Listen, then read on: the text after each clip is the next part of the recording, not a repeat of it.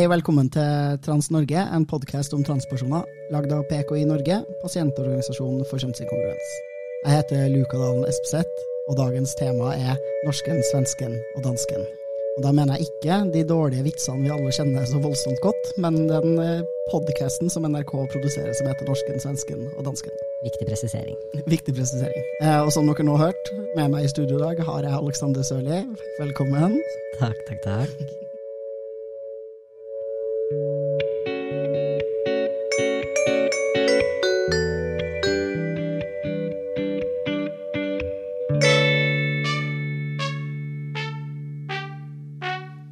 Skal vi starte med å gi lytterne våre litt eh, bakgrunnsinformasjon. Eh, Norsken, svensken og dansken er altså en podkast som er produsert av NRK, med en norsk, en svensk og en dansk programleder, som heter henholdsvis Hassan Preisler, Åsa Lindeborg og Hilde Sandvik. Jeg tror poenget med den litt er å diskutere litt forskjellige ting, da, av nyheter eller debatter som skjer i henholdsvis Danmark, Sverige og Norge og at disse programlederne skal komme med noen innsikter rundt dette, da, og dele med hverandre, diskutere med hverandre. Ja, og nå har de kommet med noen innsikter om trans. Det er for så vidt ikke første gang de gjør det, det er andre ganger de gjør det, men uh, i dag så velger vi å ja, følge opp litt. Ja. ja. Så, så, utgangspunktet for denne podkast-innslaget deres da, om trans i dette tilfellet, er fordi en radikal feminist eh, marxist og eh, er, er journalist hun er, eller sånt, i utgangspunktet. Kajsa Ekkes Ekman har utgitt en bok som omhandler kjønn og trans. Og hun mener vel selv at den handler om på en måte hvordan transbevegelsens syn på kjønn da, vil påvirke samfunnet og alle oss mennesker. Hvis dere har lyst til å lese en mer inngående debunking av den boka, så har RFSL i Sverige publisert en liste med 100 faktafeil i den boka, som er en ganske god, eh, god, gjennomgang, tenker jeg. Nå skal jeg innrømme at jeg har ikke lest hele boka hennes, jeg har bare lest debunking av den. Så boka heter da 'Skjønnhetseksistens', og det hun, som er hovedargumentet hennes der, er vel at Kjønn eksisterer i kraft av reproduktiv kapasitet, og det er binært. Og transpersoner ødelegger hele den feministiske kampen og hele samfunnssystemet vårt. Jeg skal ærlig innrømme at jeg ikke har lest den boka. Jeg er sånn veldig opptatt av å skulle lese den. Jeg kjenner til Ekman ganske godt, fordi jeg har deltatt lenge i prostitusjonsdebatten. Hun er jo også ganske kjent der, annet for sin særlig uredelige fremstilling av alle sine meningsmotstandere, og en veldig manglende vilje og ønske til å lytte til folk som selv selger sex, da, om deres erfaringer. Og slik som jeg hører fra særlig transfolk i, i Sverige nå, så er vel det ca. nøyaktig det hun nå driver med, men bare i transdebatten i stedet. Men jeg tenker også at Ekmans syn på det måtte ikke nødvendigvis er så relevant. For det som skjer i denne poden, er jo at de liksom skal oppsummere denne debatten. Og det tenker jeg at de faktisk ikke gjør da, på en meningsfull måte. Vi får beskjed ganske fort om at hun eh, Lindborg er en venninne av eh, Kajsa Ekkis Ekman. Og så blir hele samtalen på en måte introdusert med at dette er veldig veldig vanskelig, fordi transpersoner blir krenka. Sånn at det her er jo på en måte introduksjonen, legger jo litt til grunn at hvis vi som er trans, reagerer på det som blir sagt på noen som helst måte, eller eventuelt bare mener at det her er en uredelig fremstilling, at det er faktafeil, eller at det rett og slett er dårlig journalistisk håndverk, som jeg jo mener at det er, at årsaken til det er egentlig bare fordi vi er krenka. Det blir heller ikke gitt noen egentlig forklaring på eventuelt hvorfor denne følelsen av krenkelse skulle, skulle oppstå. Da. Og ja, jeg har litt lyst til å liksom snakke litt rundt det, for jeg tenker at det er en del spennende ting som skjer da, i denne podkasten, som er veldig sånn symptomatisk av problemer som jeg ser generelt da, i media overalt nå, hvor man rett og slett gjør en skikkelig, skikkelig dårlig jobb, og ikke gidder å sette seg inn i fakta, ikke gidder å sette seg inn i begreper, ikke prøver å gjøre ting forståelig, ikke prøver å fremstille folk på en redelig måte.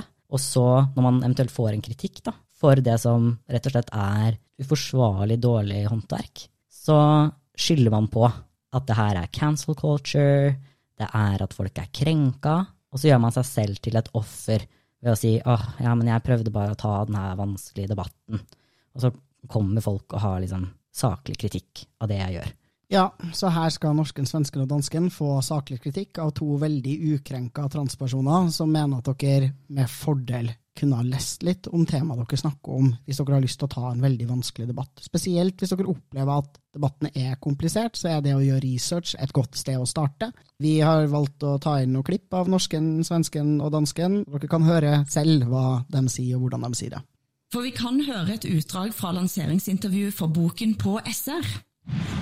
Jeg forsøker i min bok forstå hvorfor på kort tid samhället har gått från en idé om kön som är egentligen ingenting mer än en reproduktiv funktion och som inte heller betyder någonting mer än det till en syn på kön som att kön är en identitet, en känsla, en roll eh, och vad det har för konsekvenser.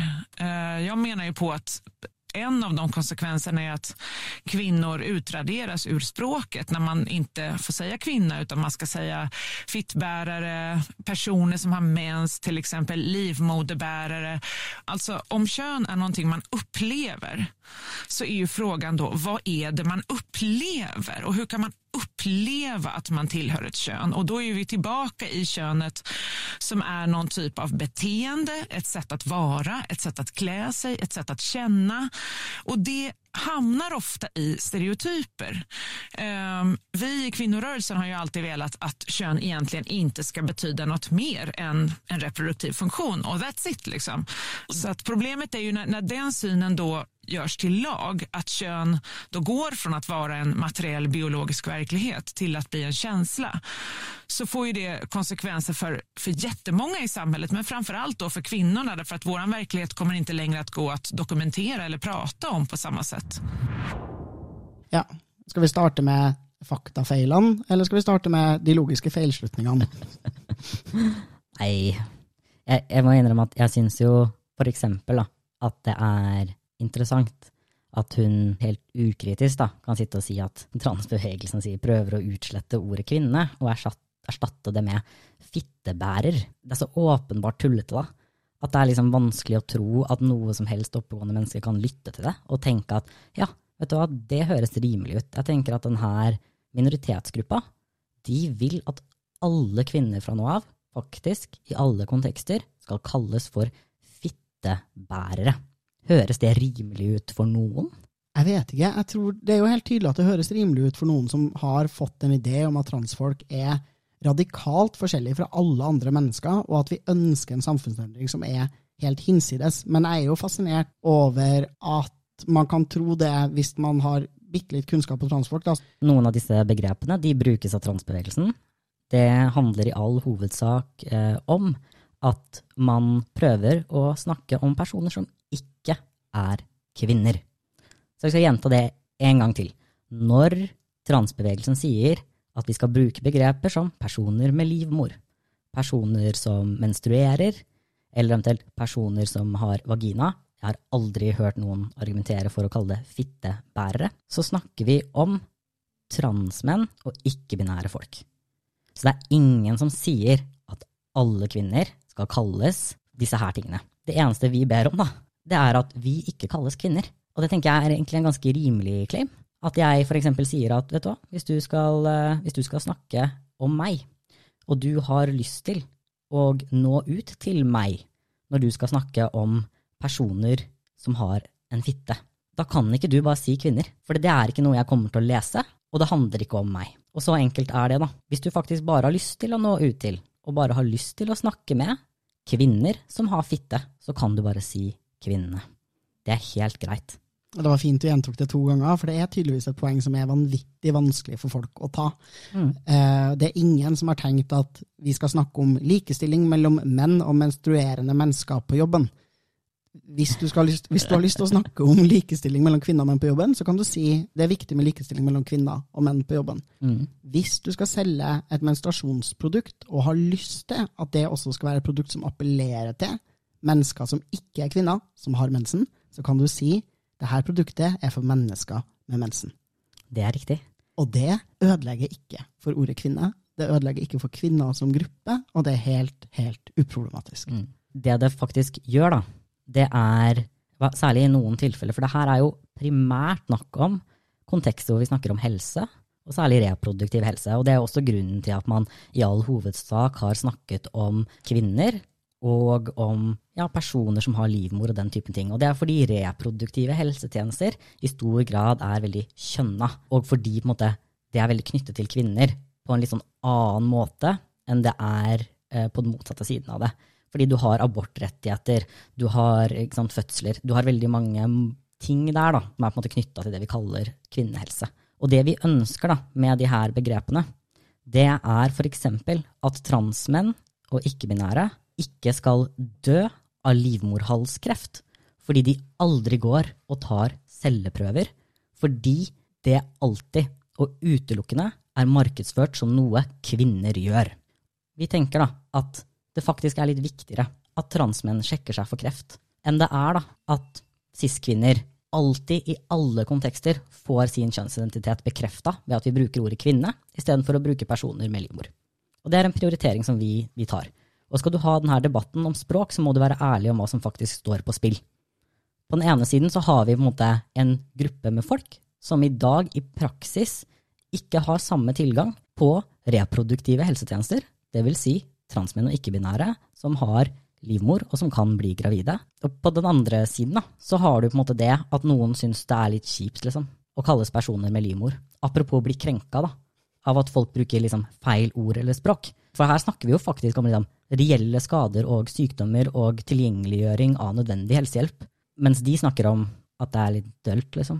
Ja, og det bringer meg jo over til hele konseptet med identitet, for det syns jeg er veldig spennende. For det her er altså kvinner, cis-kvinner, og cis-kvinner betyr kvinner som ble registrert som kvinne ved fødsel, som blir så lei seg og får vondt i følelsene sine, og det jeg vil kalle kjønnsidentiteten sin, av at de ikke skal bli bekrefta som kvinner i enhver setting hvor det er snakk om spesifikke helseplager eller helseutfordringer. Og så sier man på en måte i neste øyeblikk ja, hva er følelsen av å være en kvinne, da? Jeg har ikke noe kjønnsidentitet, jeg. kjenner ingenting rundt det her. Og så er det sånn, når du føler så sterkt rundt ordet kvinne, og hvem det er det skal brukes om, og i hvilke kontekster ordet kvinne skal bruke, så er det kjønnsidentiteten din.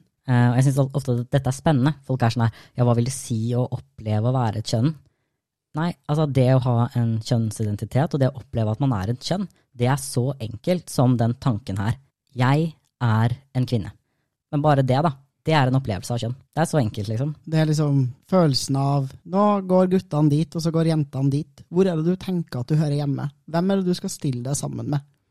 Ville det føltes rart hvis du som kvinne da, ble plassert sammen med mennene? Ja, det ville det. Den følelsen der, det er kjønnsidentiteten din. Og Det er også derfor transbevegelsen foreslår noe så radikalt da, som at vi skal organisere samfunnet primært etter hva folk føler og opplever, og det vi mener at er fysiske, biologiske fakta. Og kvinne er ikke et fysisk, biologisk fakta. Livmor er. Derfor kan det i noen settinger også være hensiktsmessig å snakke om mennesker med livmor, hvis vi snakker om spesifikke helseutfordringer knytta til en livmor. Ja, og det er jo et veldig viktig poeng, fordi realiteten her er jo at det er transbevegelsen som ønsker at vi skal bruke et biologisk korrekt språk. Og det er våre meningsmotstandere som mener at det skal vi ikke gjøre. Vi skal bruke et identitetsbasert språk. Fordi realiteten er at det er masse kvinner som ikke har en livmor. Det inkluderer cis-kvinner. Sånn at det er faktisk ikke sånn at personer med livmor er synonymt med, med kvinner. Inni den kategorien så finnes det personer som ikke er kvinner, og det finnes også masse kvinner som ikke er i den kategorien. Vi prøver å være konkrete og presise og biologisk korrekte med det språket vi bruker. Samtidig som vi respekterer følelsene til folk, fordi det også har noe å bety i samfunnet vårt. Det ble en liten sånn eh, tangent, eh, men det er faktisk relevant. fordi hvis du hører på resten av denne samtalen, så er det en fullstendig fravær av faktisk forklaring da, på hvorfor det har seg slik at transbevegelsen har de her krava. Det blir fremstilt som åpenbart urimelig, og som noe som vi bare ønsker oss fordi vi har mye følelser og er litt sånn krenka. Eller er ikke engang vi, fordi det er vel transkvinner til og med, som er kjempeopptatt av at kvinner nå skal defineres som personer med livmor. Som også er veldig artig, all den tid transkvinner jo er kvinner uten livmor, som har veldig lyst til å bli definert som kvinner, og som er kvinner. Og som definitivt ikke er interessert i at ordet kvinne skal være ensbetydende med en person med livmor. Det er så mange logiske brister her at jeg får vondt i logikken. Ja, helt enig. Men skal vi fortsette å, å lytte? Fordi nå har vi jo på en måte gitt litt bakgrunn på hvordan denne situasjonen faktisk er. Altså, det her er en sentral del av denne diskusjonen. De kommer innom en del andre temaer også. Men det er jo særlig dette med å på en måte, ja, utradere kvinner fra språket, da, som det virker som har fått en del fokus her. Och det är väldigt svårt att prata om de här frågorna. Vad är kön? Eftersom alla som gör det riskerar att eh, transpersoner helt enkelt. Men man måste kunna prata om det här i alla fall. Jag kan prata om den här boken i timmar. Men vad Kajsa Ekis menar är att vi har börjat få en ny syn, alltså en ny syn på kön. Alltså för, förut så såg vi kön som någonting som hade med reproduktion att göra. Alltså eh, biologiska skillnader mellan män och kvinnor har att göra med kromosomer, livmoder, äggledare, spermier. Det är kön. Könsroller, det är att, att kvinnor eller flickor förväntas leka med Barbiedockor och kvinnor förväntas ta hand om barn. Det är könsroller. Men kön är biologiskt och det andra är genus. Mm. Nu har det där förändrats så att eh, nu så är det väldigt starka krafter i rörelse som också har påverkat lagstiftning och allt möjligt runt om i världen att den som känner sig som man eller kvinna ska betraktas som man eller kvinna. Nok en gang da, så framstilles transbevegelsen og transpersoner sin kamp for våre rettigheter som om vi er en annen sånn hvor vi, har, altså vi er utrolig sterke krefter. Eh, og så pekes det da på at man har lovendringer som gjør at mennesker får kjønnsidentiteten sin bekrefta. Mm. Og da må man jo kunne legge til at alternativet til det er enten at transpersoner aldri kan endre juridisk kjønn, og det eh, regner jeg med at vi slipper å forklare lytterne våre hvor inngripende er i privatlivet til noen, og tvinger dem til å leve med et juridisk kjønn som ikke speiler identiteten din, utseendet ditt og livet ditt. Alternativt så kan vi gå tilbake til de systemene som både Sverige, Norge og Danmark har hatt før, og det er jo de landene vi snakker om her, hvor man krevde at transpersoner gjennomgikk kastrering for å kunne endre juridisk kjønn. Så når man prøver å fremstille det som om vi har pusha gjennom en kjempestor og radikal lovendring som ikke hadde noe god grunn til å bli pusha gjennom, og som har endra livet for alle andre, så er ikke det sant. Vi har kjempa for retten til å slippe å kastrere oss for å kunne endre juridisk kjønn. Og hvis du mener noe annet enn det, så er det faktisk høyst problematisk, og du er nødt til å være redelig og si det samfunnet jeg ønsker meg, er et samfunn hvor transfolk aldri kan endre juridisk kjønn, eller et samfunn hvor transfolk blir kastrert. Ja, og Da vil jeg også si at hvis, hvis du mener det, så støtter du veldig eksplisitt grove menneskerettighetsbrudd mot transpersoner som gruppe. Det er ikke kontroversielt å si. Det her har bl.a. vært oppe i Menneskerettighetsdomstolen i Strasbourg, hvor de konkluderte med at dette er et brudd på transpersoners menneskerettigheter, og alle eh, europeiske stater må umiddelbart opphøre denne praksisen. Det er også blitt omtalt av masse ulike underdeler av FN, av eh, Amnesty International. Altså, det er så å si ingen da, store menneskerettighetsorganisasjoner eller organer som ikke har vært helt klinkende klare på at denne praksisen som vi gikk bort fra da, ved å få de her nye lovene, rett og slett er grove menneskerettighetsbrudd. Dette er ikke kontroversielt. Det da, At det skal fremstilles som radikalt, at vi ber om å ikke bli kastrert mot vår vilje, det er en så uredelig fremstilling, da. For å si det sånn, i Norge så, så ble den loven endra i 2016. Typ, jeg ble kastrert under denne loven. Veldig mange av mine venner ble kastrert under denne loven. Det er noe som transfolk som er unge fremdeles i dag, har følt på kroppen. da. Vi har lov til å være sure for det, liksom. Og vi har lov til å være glade for at den loven ble, ble endra. Og den lovendringa fører heller ikke til at du ikke har lov til å mene at kjønn primært er definert av folk sine reproduktive organer. Det må du gjerne mene, men din mening kan ikke resultere i at vi kastreres, eventuelt at vi tvinges til å leve med feil juridisk kjønn. For meg da, som har liksom levd i mange år med kvinner som juridisk skjønn, så er mitt pass helt ubrukelig. Jeg kan ikke reise rundt i verden med identifikasjonspapirer hvor det står at jeg er en dame, når jeg på ingen måte av noen mennesker i verden gjenkjennes som kvinne. Mm. En viss råderett over egen kropp, en viss rett til privatliv og ikke bli outa som trans overalt, og det å ha identifikasjonspapirer og kunne liksom søke en jobb, reise, få et bibliotekskort, det er faen ikke kontroversielt å be om. Også verdt å nevne at eh, hvis i tilfelle dere lytterne ikke visste, eventuelt at dere norsken, svensken og dansken ikke visste, transfolk er ikke et fenomen som oppsto på Tumblr i 2014. transfolk har funtes til alle tider, og vi har også vært en del av den feministiske bevegelsen så lenge som den feministiske bevegelsen har funtes på denne jordkloden. Yes. Så over til kjønnsrollene. Det blir enda artigere. Jeg elsker kjønnsroller. For dem skal jeg sementere. Då har hon exempel då från barnböcker som ska vara muntra eller upplysa till könsdysfori, alltså att man byter kön eller att, man, att barn kan känna att de är födda i fel kön. Ok, Jeg må bare kommentere på det. Så, så her refereres det altså til barnebøker som skal oppmuntre til kjønnsdysfori, oppmuntre til å bytte kjønn, og oppmuntre barn til å føle seg født i feil kropp. Her er det jo et arsenal av begreper som brukes i en altså, det, er fakt, det er helt utrolig at jeg må sitte her og ta det her på alvor. Unnskyld meg. Men ja. Um, det finnes ingen barnebøker som oppfordrer barn til å oppleve kjønnsdysfori. Kjønnsdysfori er ubehag og smerte, plager folk kan oppleve hvis man er trans, altså hvis man opplever å være et annet kjønn enn det man blir registrert som ved fødsel. Nei, og, og hvis vi tar feil om det, så vil vi veldig gjerne faktisk ha et navn på denne eventuelle svenske barneboka som oppmuntrer til kjønnsdysfori. Hvis jeg skulle gjette, da, uten å ha lest denne barneboka, og det får jeg vel ikke gjort, fordi det opplyses jo ikke om hvilken barnebok det er, så vil jeg tro at det er en barnebok som inneholder en transkid. Så er det jo sånn at når barn skal prøve å forklare til andre mennesker at de er trans, så har barn et begrensa vokabular til å kunne forklare sånne type følelser. Så en del av dem vil forklare det med å si 'jeg har lyst til å gjøre jenteting', 'jeg har lyst til å gå i kjole', 'jeg har lyst til å leke med de andre jentene'.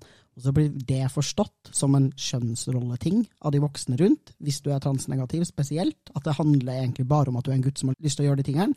Mens for denne transkjønna jenta så handler det definitivt om å prøve å forklare en dyp indre følelse av å være jente. Og det gjør de ved å bruke de kulturelle symbolene og signalene de har lært for kvinnelighet og jente.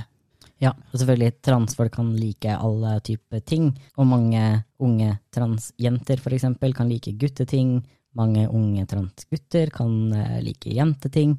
Dette er på en måte, kan ha akkurat like varierte interesser som alle andre. Men en ting som er litt vanlig å si noen ganger når man prøver å forklare det her, det er å si at jeg likte gutteting fordi jeg var en gutt. Altså det går den veien, da. For veldig mange transkids så er det det som er retningen. Det er ikke sånn at de sier at jeg er en jente fordi jeg liker alle disse søte tingene, selv om de kanskje forklarer det sånn. I realiteten så sier de jeg liker å ha på meg alle disse kulturelle uttrykkene da, for kvinnelighet fordi jeg er en jente. Og dette er den eneste måten jeg kan signalisere til verden at jeg er en jente, og bli speila som det mennesket jeg er. Og da kan jo dere som eventuelt er voksne og hører på det her, som tenker at åh, det her er kjempekomplisert, prøve å, å ha litt sympati da, med hvor utrolig komplisert det er å sette ord på når du er et barn som er stuck i en verden hvor du ikke har noen transkjønna folk rundt deg. Og da er det veldig fint at noen har lagd en bok, eller flere, hvor det finnes noen som erfarer og føler verden på samme måte som de her transkidsa. Jeg tror vi skal ta, være veldig ubekymra rundt uh, ideen om at noen kan feilaktig tro at de er trans. Det er ikke sånn at små barn leser en bok hvor det er en transperson og tenker 'herregud, det her er jeg bare nødt til å bli', det virka utrolig spennende hvis ikke det er sånn at de faktisk føler det her. Det er litt som å si at eh, jenter plutselig kan finne på å tro at de er gutter, hvis de leser en barnebok med en gutt som hovedrolleinnehaver, eller hvis de blir eksponert for gutter på TV, eller får lov til å drive litt med en gutteidrett. Det skjer ikke. Eller homofili, da. Folk, folk blir ikke homo av å lese om det. Og så kan det selvfølgelig hende at det er noen da som, som utforsker kjønnet sitt litt, og som lurer på herregud, kanskje jeg er en sånn? Kanskje dette er meg? Jeg vet ikke helt ennå. Og så utforsker de det, og så finner de kanskje ut at det ikke er riktig for dem. Og det er også faktisk helt greit. Det er ikke farlig. La oss høre videre. Jeg trodde at liksom vi skulle forsøke å oppløse ideen om kjønn, men i stedet så sementeres ideen om kjønn. Om man da sier at kjønn ikke fins Jeg var selv ganske interessert av denne ideen et ett tag, at man skulle kunne ha kjønnsnøytrale personnummer f.eks. spiller vel ingen roll men om man har könsneutrala personnummer så kan eh, till exempel Statistiska centralbyrån inte räkna på hur män och kvinnor har sina livsvillkor. Det går inte att räkna på vår hälsa, på våra löner, våra pensioner och så vidare. Statistiken omöjliggörs. Då kan man heller inte synliggöra diskriminering. Kan jo være relevant å si da, at de fleste land har ikke kjønna personnummer. Staten vet ofte hvilket kjønn innbyggerne har via andre parameter, enten at det blir meldt inn ved fødsel, eller at man registrerer det selv på et avkrysningsskjema, eller at når statistikken føres, så blir man eksplisitt spurt.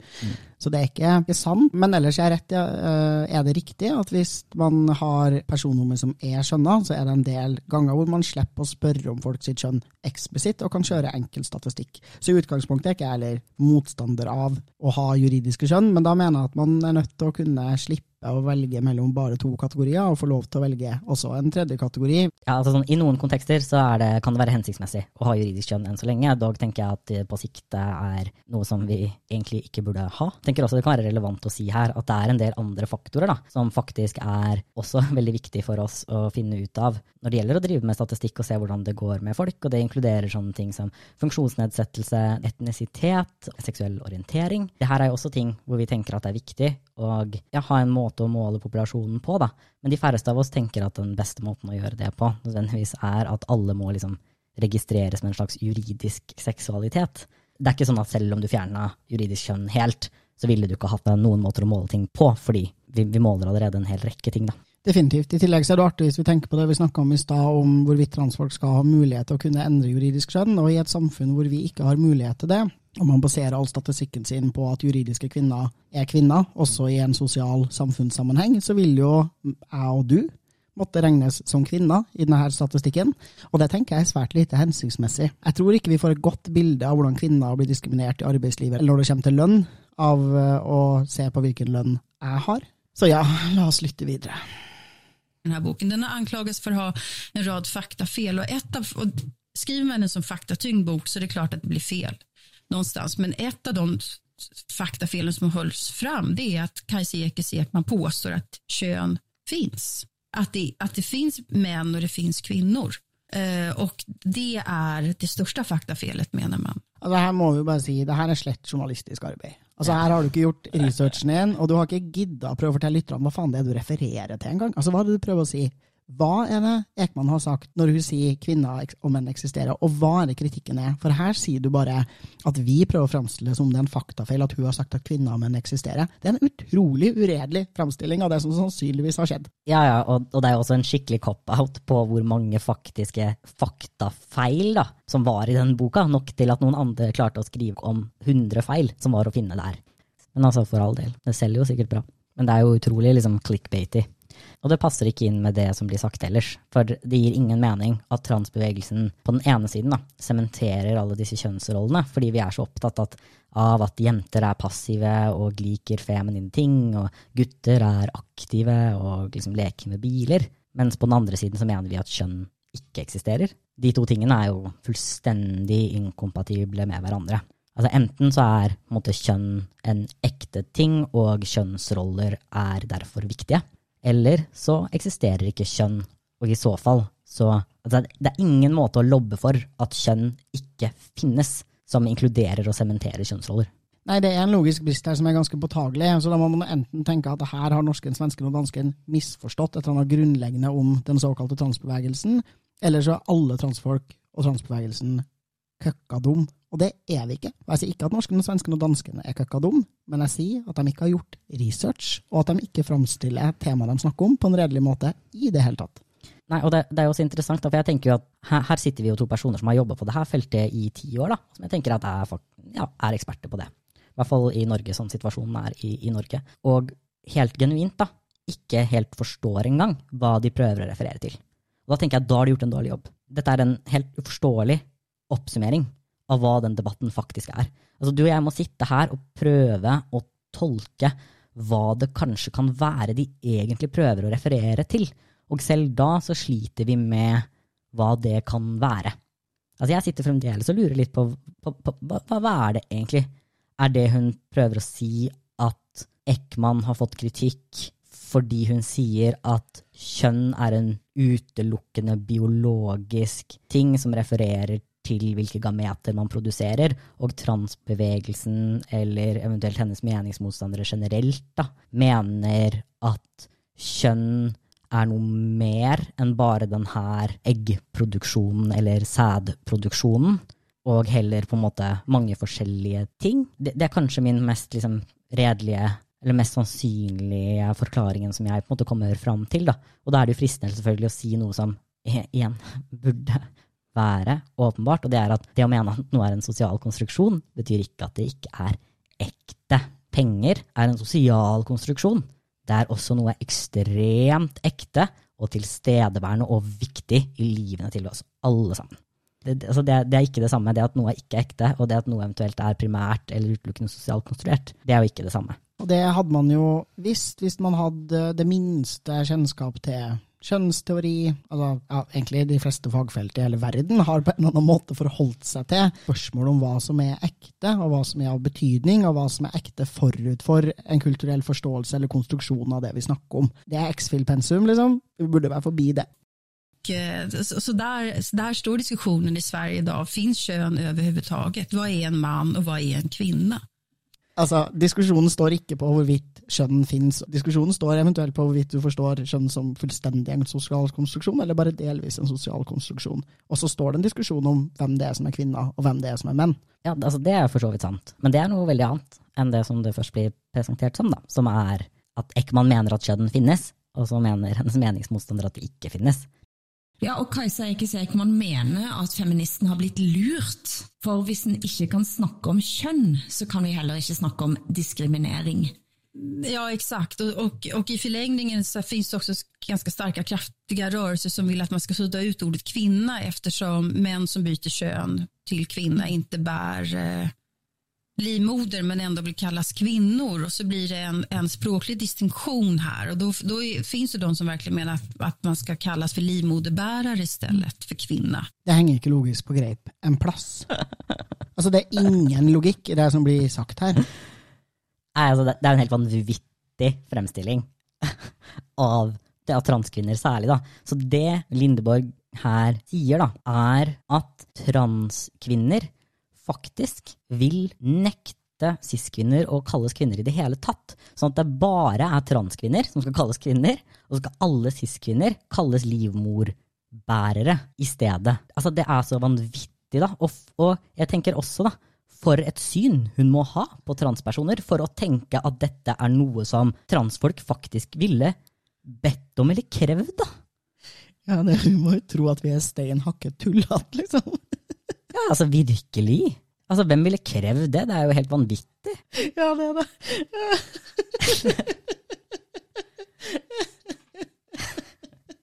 det, er, det er rett og slett det som er kravet vårt. Det er, det er, bare transmenn og transkvinner som er menn og kvinner nå. Ja.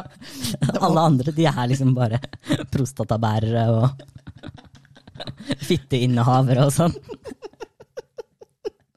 Å, jeg elsker det. Åh. Altså, jeg blir jo inspirert. Kanskje det var det vi skulle begynt å fronte. Det hadde jo vært gøy. Uff. Tenk hvor sinte de hadde blitt. Da hadde det blitt Krenkorama på gjengen, ja, for å si det sånn. ok, la oss høre videre på den ramlende ulogiske sammendraget av kjønn i verden.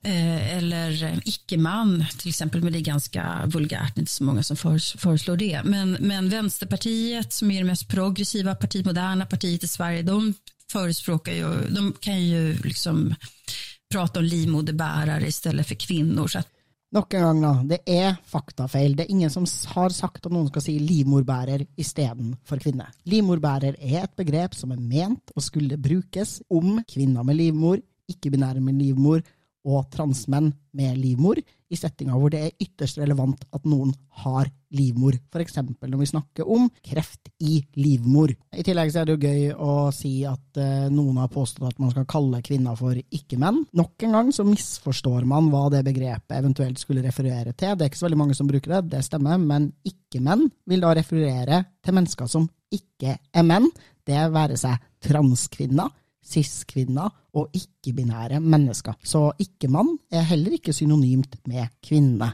Nei, det er på ingen måte synonymt med kvinne. Nesten helt uavhengig av liksom eh, eh, Selv om du har det her liksom transfobiske synet på kjønn, da, hvor du faktisk mener at liksom transkvinner er menn, liksom, fordi de produserer sæd, så vil det fremdeles være feil. Da. At det er synonymt, at det noensinne brukes synonymt med cis-kvinne eventuelt. da. Det, det, gjør det ikke. Syns det er rart at folk har så vanvittige problemer med deskriptive betegnelser. Det blir helt sånn Å nei, ikke kall mennesker som ikke er menn, for ikke-menn. Ok, jeg kan la være med det, men det er jo utrolig deskriptivt, da. Å, ikke kall folk med livmor for livmorbærer. Ja, men folk Ok, greit. Men det hadde jo vært praktisk, da, å kunne ha et sånn nøytralt, beskrivende språk. Ja. Men det som er veldig spennende også, er jo at de og Veldig ofte snakker jeg ikke om de i den podkasten her, da. Veldig ofte når jeg har diskusjon med folk på det her, og jeg liksom påpeker at men jeg bruker ikke personer med livmor i stedet for, for kvinner, fordi jeg vil ikke snakke med eller nå ut til kvinner som ikke har en livmor. Så får jeg tilbake en sånn ja, men da, da burde du si kvinner med livmor. Som bare er en sånn Altså, Personer er jo åpenbart ikke noe mer liksom, dehumaniserende enn å bruke kvinner. Det her handler om ja, at mange cis-kvinner har en veldig tydelig og sterk kjønnsidentitet som kvinner, og ønsker å få den bekreftet hele tiden. At det blir veldig veldig vondt for noen som er kvinne, å bli kalt person av og til. Som kvinne kjenner jeg meg degradert. Jeg kan også si at jeg har fundert funderat mye over över min roll som kvinne. överhuvudtaget. Jeg betraktes jo ikke som feminist i Sverige. Men her gjør jeg det. Jeg kjenner meg degradert til å bare være noen som bærer rundt på en, på en, en livmoder. gjør jag. Og det er veldig artig hvor mye av den podden her som faktisk handler om hvor krenka cis-folk blir da, av ord og språk, mens de kaster rundt seg med hvor krenka vi blir av ord og språk, og at det skal vi ikke ta noe hensyn til i det hele tatt, på ingen som helst slags måte. Mens her fronter man jo at vi som er trans, må ta enormt hensyn til cis-folk sine følelser rundt ord og begreper. Noen jeg har snakket med, eksempel, har jo vært tydelige på at de mener at man bør si kvinner, transmenn og ikke-binære i stedet. Fordi de liksom synes det er viktig med et sånn identitet først-type språk. Og når det formuleres sånn, så tenker jeg at ok, ja, men det her er Vet ikke om jeg er enig, men dette er en helt legit samtale vi kan ha. Vi kan ha en samtale om hvorvidt noen syns at det er degraderende at man snakker på den måten. En enda mer spennende diskusjon for eksempel, er jo sånne ting som men hva skjer hvis vi har folk som ikke helt vet hva en livmorhals er? Hvordan kan vi tilrettelegge? Da er det veldig mye lettere å bare si hvis du er en kvinne, så kan du teste deg. Tenker jeg Det er gode argumenter som handler om helseformidling. Hvordan går vi fram for å nå ut til de gruppene vi har lyst til å gå ut med? Det er en diskusjon vi kan ha. De spennende samtalene de får vi aldri hatt, fordi vi alltid da ender opp med å måtte ha de her fordummende samtalene, hvor folk bare kommer med myter om ting som det, det er tull. Det er tull og tøys. Og det gjør at vi ikke får hatt de gode samtalene om hvordan vi faktisk kan romme alle i språket vårt, inkludert liksom, cis-kvinner som har en sterk identitet som kvinner. Jeg får lyst til å legge på røret til cis-befolkninga, og så kan jeg si sånn, kan ikke dere bare ringe meg opp igjen når dere har fått et kunnskapsnivå som gjør det mulig for oss å faktisk ha en samtale. Fordi det er for dumt da, at vi skal tvinges til å ta såkalte debatter, når debatter som skal tas er på et så lavt nivå at det ikke går an å snakke med dem engang. Man får inte, alltså inte ens byta efternamn som 12-åring eller 15-åring i Sverige idag utan att båda föräldrarna går med på det. Men byta kön kan man få göra och det finns alltså en man har tagit, opererat bort brösten på åtminstone en 14-åring eh, i Sverige och det går inte att göra något, det går, när man är så liten kan man inte fatta konsekvenserna av sådana beslut. Jeg blir jo frista til å spørre om hun mener at 14-åringer skal nektes tilgang til abort, f.eks. De er jo ikke store nok til å ta den typen beslutt, eller noen type beslutning, kanskje, over sin egen kropp. Nei, jeg tenker at det er helt logisk å tenke at 14 år gamle barn som har blitt gravid, burde ikke få tilgang til abort, med mindre begge foreldrene samtykker til at denne aborten skjer. Her tenker jeg også at man havner i en eh, sannsynligvis ganske uredelig framstilling. Jeg vil tro at den 14-åringen som det her snakkes om, som har fått gjennomgått eh, en brystfjerning, hadde foreldresamtykke. Nesten garantert, for det, det, dette her er en sånn relevant ting å si i utgangspunktet. Klart jeg er ikke måtte, superkjent med det svenske systemet, men sånn som jeg forstår det, så er det ikke ekstremt annerledes enn det norske. Og i alle fall i Norge og i de aller, aller fleste andre land, så er det slik at det er vanskelig å få tilgang til kjønnsbekreftende behandling hvis du er under 18 år. Så vanskelig at jeg tror faktisk nesten ikke jeg kjenner noen som ikke har hatt noen form for foreldrestøtte og så kan vi også fremheve at en cis-gutt på 14 år som hadde fått brystvekst, hadde definitivt fått tilgang til kirurgi for å fjerne de puppene i en alder av 14 år, selv om man på ingen måte tydeligvis kan forutse konsekvensene av det på lang sikt. Så her taler man for en kategorisk forskjellsbehandling av transfolk sammenlignet med cis-folk. Tanken er jo at hvis du er trans, så klarer du ikke å samtykke i det hele tatt, egentlig til nøyaktig de samme inngrepene som vi tenker at cis-kjønna barn kan samtykke til. Hvis man kjemper for et system der en gruppe skal nektes å ha de samme rettighetene, da, utelukkende fordi de er en del av en minoritetsgruppe, så er det snakk om å kjempe for en, tenker jeg, ganske alvorlig form for strukturell diskriminering. I tillegg så, og det har vi snakka om på poden en milliard ganger før, men vi kan jo bare nevne det, det å gjennomgå den puberteten som kroppen din er preprogrammert til å gjennomgå, er definitivt irreversibelt og en kjempestor avgjørelse i noen sitt liv. Bare fordi kroppen gjør det av seg selv, betyr ikke at det ikke er en irreversibel ting som skjer med deg. Det, det er riktig. Og sånn sett så kan det jo sammenlignes med en graviditet. En graviditet er helt naturlig, og for veldig mange så er den også veldig fin, selv om den selvfølgelig også kan være en, en belastning, selv for de som ønsker å være gravide. Men det at den er eh, naturlig, og det at den vil skje helt av seg selv, hvis du ikke på en måte avbryter den idet du er gravid, da. Det betyr faktisk ikke da, at det er greit. Det betyr ikke at den prosessen, den kroppslige prosessen vil bli noe mindre traumatisk eller jævlig dersom den som går igjennom det, virkelig, virkelig ikke ønsker det. Det forstår de aller fleste cis-kvinner. De skjønner at liksom, selv om de eventuelt ikke må ta vare på barnet etterpå, så skjønner de at det å tvinge noen til å gå igjennom en graviditet på den måten, det er liksom enormt inngripende, helt uavhengig av om du må ta vare på barnet etterpå. Og hvis du klarer å forstå at det er jævlig å tvinge noen gjennom måte, kroppslige endringer over ni måneder, da, som i de aller fleste tilfeller for så vidt vil være relativt reversible, så kan dere jo prøve å vurdere hvordan det er da, å gå igjennom kroppslige endringer over en periode på fem-seks år, som er helt jævlige for deg, og som vil gi deg en veldig, veldig synlige kroppslige endringer som du aldri kan reversere helt. Men sen är det också, vad betyder det att, eh, att kön, biologiskt kön inte längre anses finnas utan det är bara könsroller? Hur ska de könsrollerna i så fall beskrivas? Vem ska beskriva dem?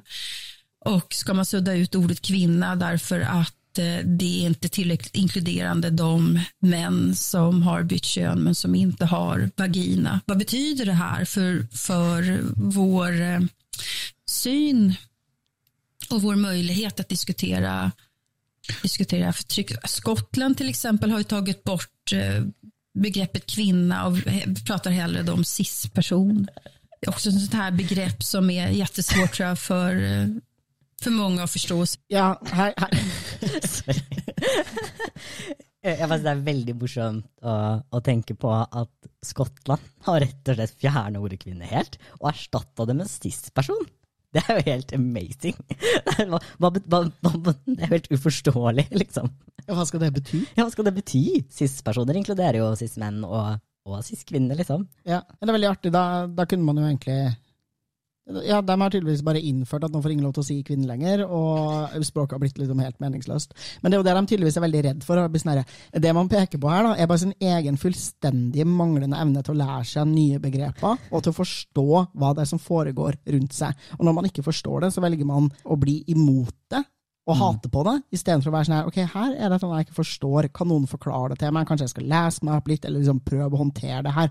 Fordi det her ender jo bare i intense misforståelser, som gjør at hele podkasten for meg blir helt meningsløs. Selvfølgelig har ikke Skottland innført en lov som sier at ingen av borgerne deres får lov til å si kvinne, og at kvinne i enhver setting skal erstattes med ordet cis-person. En cis-person betyr et menneske som identifiserer seg som skjønner de er tildelt ved fødsel. Og som du sier, det inkluderer både kvinner og menn som er cis-personer. Og det ville vært helt absurd. Det er helt uredelig å si til lytterne sine at Skottland har gjort det her. Skottland har ikke gjort det her.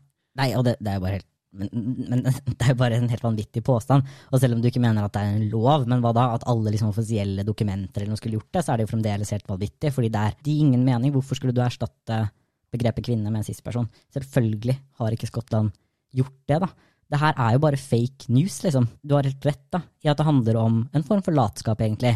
Eh, en manglende vilje til å sette seg inn i og lære nye ting da, om de her temaene. Og det er for så vidt måte, et uh, usympatisk trekk i, i, de fleste. Men jeg tenker at når du faktisk er utdanna journalist, og du driver en podkast hvor du skal opplyse folk om hva som skjer i en debatt, da har du faktisk altså det, Da er det en del av jobben din, altså, å gjøre det. Og hvis du nekter å gjøre det, og i stedet for sprer fake news fordi bestevenninna di sa til deg at det var sånn, da gjør du en dårlig jobb. Og det er ikke fordi jeg er en krenka transperson, liksom. Det her er ekstremt slett journalistisk arbeid. Ja, og jeg skulle si, hvis man trenger da, og er fortvila over at man ikke har et språk for å snakke om den spesielle undertrykkelsen som cis-kvinner blir utsatt for, så er det jo sånn at transbevegelsen her har gitt dere det språket. Vi har sagt at hvis du har lyst til å snakke om de helt spesifikke utfordringene som kvinner som er født med livmor og eggstokker, møter i verden, så kan du bruke ordet cis-kvinne. Da har du en måte å presisere hvem det er du prater om, uten å kalle folk som ikke er kvinner for kvinner, og uten å ekskludere noen kvinner fra kvinnebegrepet ditt. Vi har allerede løst det problemet for dere. Og det her er sånn tydelig sånn som du sier, de folkene som er mot oss, da, mot transpersoner og mot rettighetene våre, de kommer aldri med en eneste jævla løsning for hvordan de vil at verden skal se ut. I hvert fall ikke løsninger som har et fnugg av respekt for identiteten vår og menneskeverdet vårt, mens vi presenterer dem med løsninger hele tida.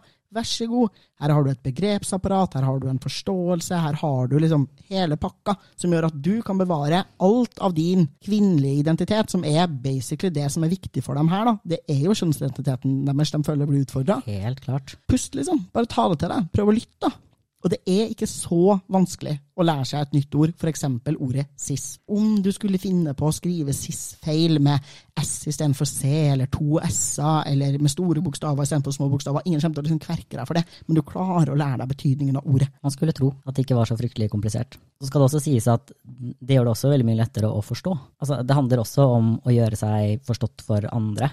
For eksempel når hun da snakker om menn som har byttet kjønn, og som ikke har en vagina, da sitter jeg og tenker, er det her transmenn som er post-transition? Fordi det kunne det vært. Altså, I transmiljøer så ville vi snakket om og forstått en mann som ikke har vagina. Hvis du snakket om en mann som ikke har vagina, som har byttet kjønn, så ville jeg umiddelbart intuitivt da, forstått det som en transkjønna mann som har tatt nedre kirurgi til å få en penis. Det her kunne du løst da, ved å bare si transkvinner.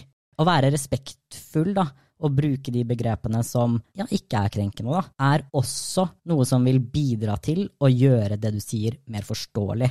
Og det vil også gjøre det kortere. For her er det jo vi som må gjøre tolkningsarbeidet. Jeg forstår hva du mener, fordi jeg bruker vanvittig mye tid da, på å sitte og tolke og forstå cis-folk som ikke orker å lære seg noen ting. Så jeg forstår at det som blir ment her, er en transkvinne som ikke har gjennomgått underlivskirurgi. Men du kunne bare sagt det. Vad är en cis-person och vad är en transperson? Och det är väldigt många begrepp här som är, det kräver rätt stor folkbildning skulle jag säga för att kunna ro det här landet man ska ha med sig alla. Och det är så många som känner, och det känner jag själv, som att jag vill vara på rätt sida om historien. Alltså jag, homosexuella fick kämpa för sina rättigheter alldeles för länge, kvinnor har kämpat alldeles för länge och så finns det ytterligare en grupp här som, som på riktigt är diskriminerad. Alltså, eh, de som har könsdysfori, för det finns ju sådana. Mm.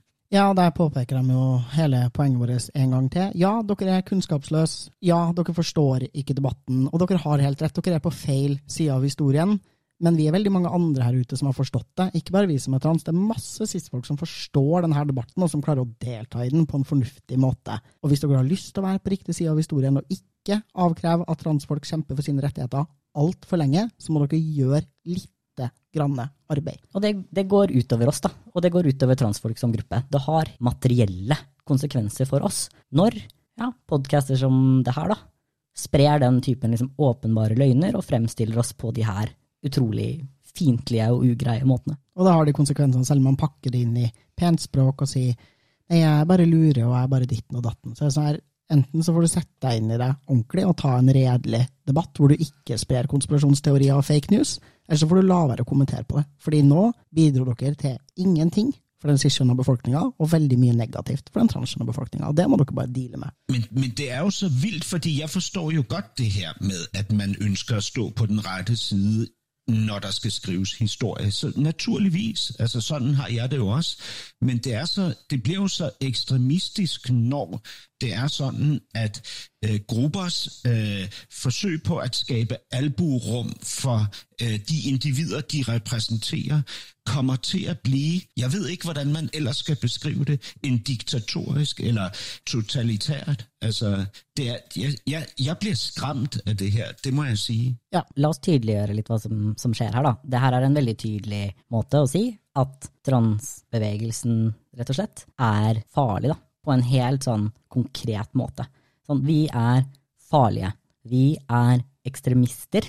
Vi kommer til å innføre diktatur dersom våre krav blir innfridd. Da. Ja, bare prøv å tenke litt på hvis du har sympati da for noen eventuelt andre grupper, liksom, tenk hvordan du hadde følt eller tenkt da, hvis det her var snakk om, si, homofiles rettigheter, da som er en sånn gruppe som tas opp som noen som fortjener å ha rettigheter. Hvordan ville du tenkt at det var, hvis det var sånn at ja, det at homofile sier at vi skal gifte oss, eller vi vil ha liksom samme mulighet til å arve hverandre, liksom, og så ha det liksom referert til som ekstremistisk og totalitært og og et diktatur. Jeg tror de fleste ville forstått det som ganske, eller til og med veldig, homofobisk. Men jeg måste ändå gå tilbake og si at det her er ikke spesifikt svenskt. Mm.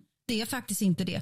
Alltså, i, även i, i Norge så är det möjligt att byta könsidentitet veldig snabbt eh, på nettet. Jeg bare korrigerer faktafeil der igjen. Eh, altså, man bytter ikke kjønnsidentitet. Kjønnsidentitet betyr den indre følelsen din av hvem du er. Det man kan bytte i Norge, er juridisk skjønn. Og du må gjerne framstille det som om det er utrolig lett ved å si at man bare kan gjøre det på internett, men da kan jeg opplyse deg om at man kan gjøre alt på internett i Norge.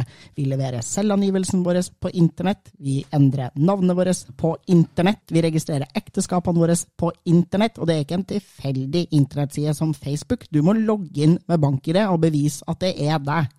Det er sånn vi kommuniserer med staten i Norge. Og jeg tror det er sånn i Sverige òg. Og jeg beklager, men det er ikke sant at det er så komplisert. Jeg, jeg, vil faktisk tørre å påstå at de fleste som har prøvd bare bitte litt å følge med i denne debatten, da, klarer, ja, kanskje folk som ikke har prøvd å følge med i debatten engang, har på en måte klart å få med seg sånne ting som at kjønnsidentitet, det er din opplevelse av hvem du er. Juridisk kjønn, det er det som står i passet ditt. Det her er grunnleggende vokabulær da, som du bare må faktisk lære deg, liksom, hvis du skal snakke om det her. Ja, og jeg tenker at Den eneste måten du kan ha eksistert i verden på, i Skandinavia, og ha fulgt med på denne debatten og ikke ha fått med deg noen av de her begrepene, er fordi du føler en ekstrem motvilje mot å lære dem.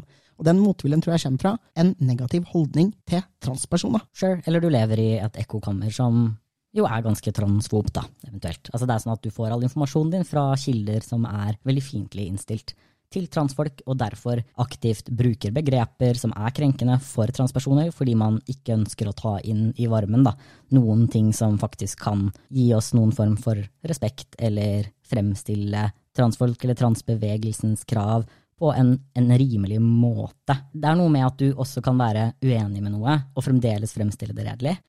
Det her er ikke typisk svenskt, eh, men det som, det som er interessant er at vi har denne diskusjonen i Sverige nå, og det, det, den er otroligt arbeidsam. Jeg kjenner selv här at jeg nesten ångrar at jeg sa at vi skulle prate om det her, for det, mm. det, er så lett att, att at eh, verka okänslig, eh, omodern, eh, skada folk som jag ikke vill skada. For å være helt ærlig, så, så ser jeg det her mye, da og jeg oppfatter det som en måte å prøve å helgardere seg mot kritikk. Ved å si Altså, ved å gjøre et veldig dårlig arbeid, ikke gidde å gjøre research, ikke gidde å prøve å gjøre noe som faktisk gjør da, at du ikke sårer eller ødelegger eller skader eh, en eventuell minoritetsgruppe, og så bare si da at ja, å, men jeg syns det er så vanskelig. Jeg vil jo ikke skade, og, og, jeg blir nesten redd for å snakke om dette. Og nå blir jeg kanskje cancelled, nå blir folk, sikkert folk liksom så krenka når jeg egentlig bare er så velmenende. Idet du har sagt det, da, og du er en cis-person, og kanskje en cis-kvinne særlig, så vil også all pushback, og særlig litt skarp kritikk, da, bli oppfatta av alle rundt som et slags sånn veldig urimelig angrep på liksom den her sårbare parten. Jeg opplever det litt som en sånn hersketeknikk, da, eller i hvert fall en sånn uredelig måte å gå, gå fram på, da, når man har gjort et dårlig arbeid, og kanskje er klar over også at man har gjort litt skade. Uh, og så skal det holde, da. Og det holder tydeligvis for resten av befolkninga, som er sånn ja ok, men hun mente jo ikke å være slem, så da er det jo veldig slemt av deg å kalle henne slem.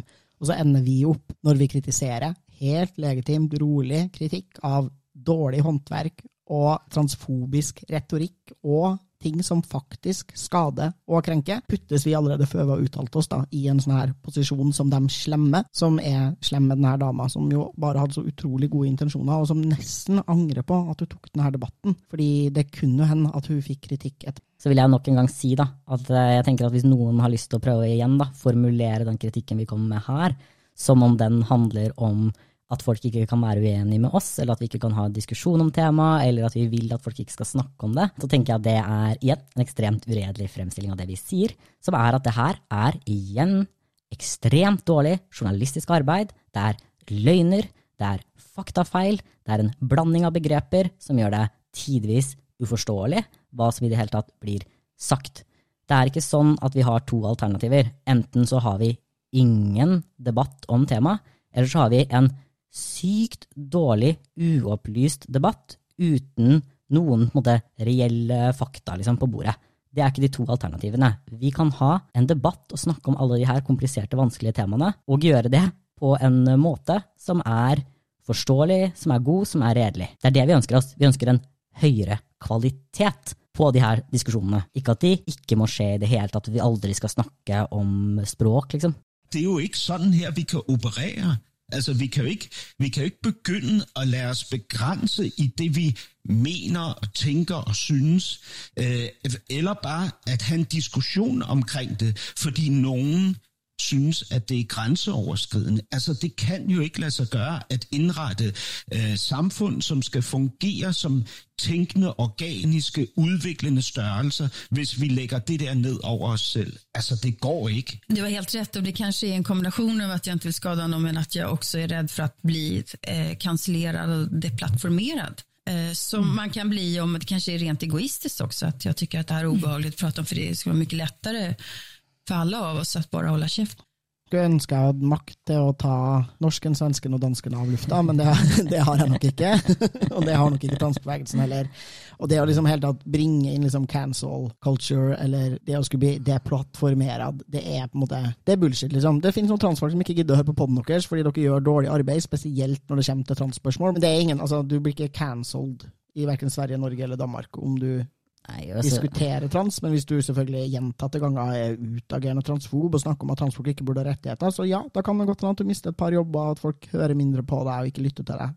Istedenfor å snakke om ting som cancel culture, da.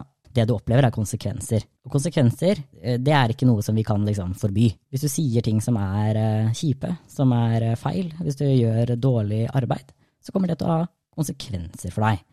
Og da er det ikke snakk om alvorlige ting. Det er ikke snakk om at du får bank, liksom. Det er snakk om at ja, da er det kanskje færre folk som vil jobbe med deg. Har du liksom lite kunnskap om temaet, så vil du ikke bli invitert til å snakke om det temaet. Det, det må du nesten bare tåle.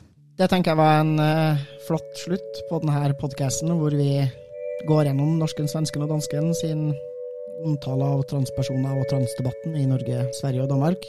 Takk for at du kom. jo, takk. Åh, Gud, jeg er svett. Tusen takk for at du var med oss i dag, Alexander Sørli. Jeg heter Luka Dalen Espseth. Takk til Martin Skjold for den nydelige Trans Norge-musikken. Følg Trans Norge på Spotify for å få med deg alle episodene av Trans Norge. Spre gjerne ord om podkasten hvis du liker den. Følg PKI på Facebook og Instagram, der heter vi pki.norge. Og meld deg inn i PKI på nettsiden vår www.kjønnsinkongruens.no.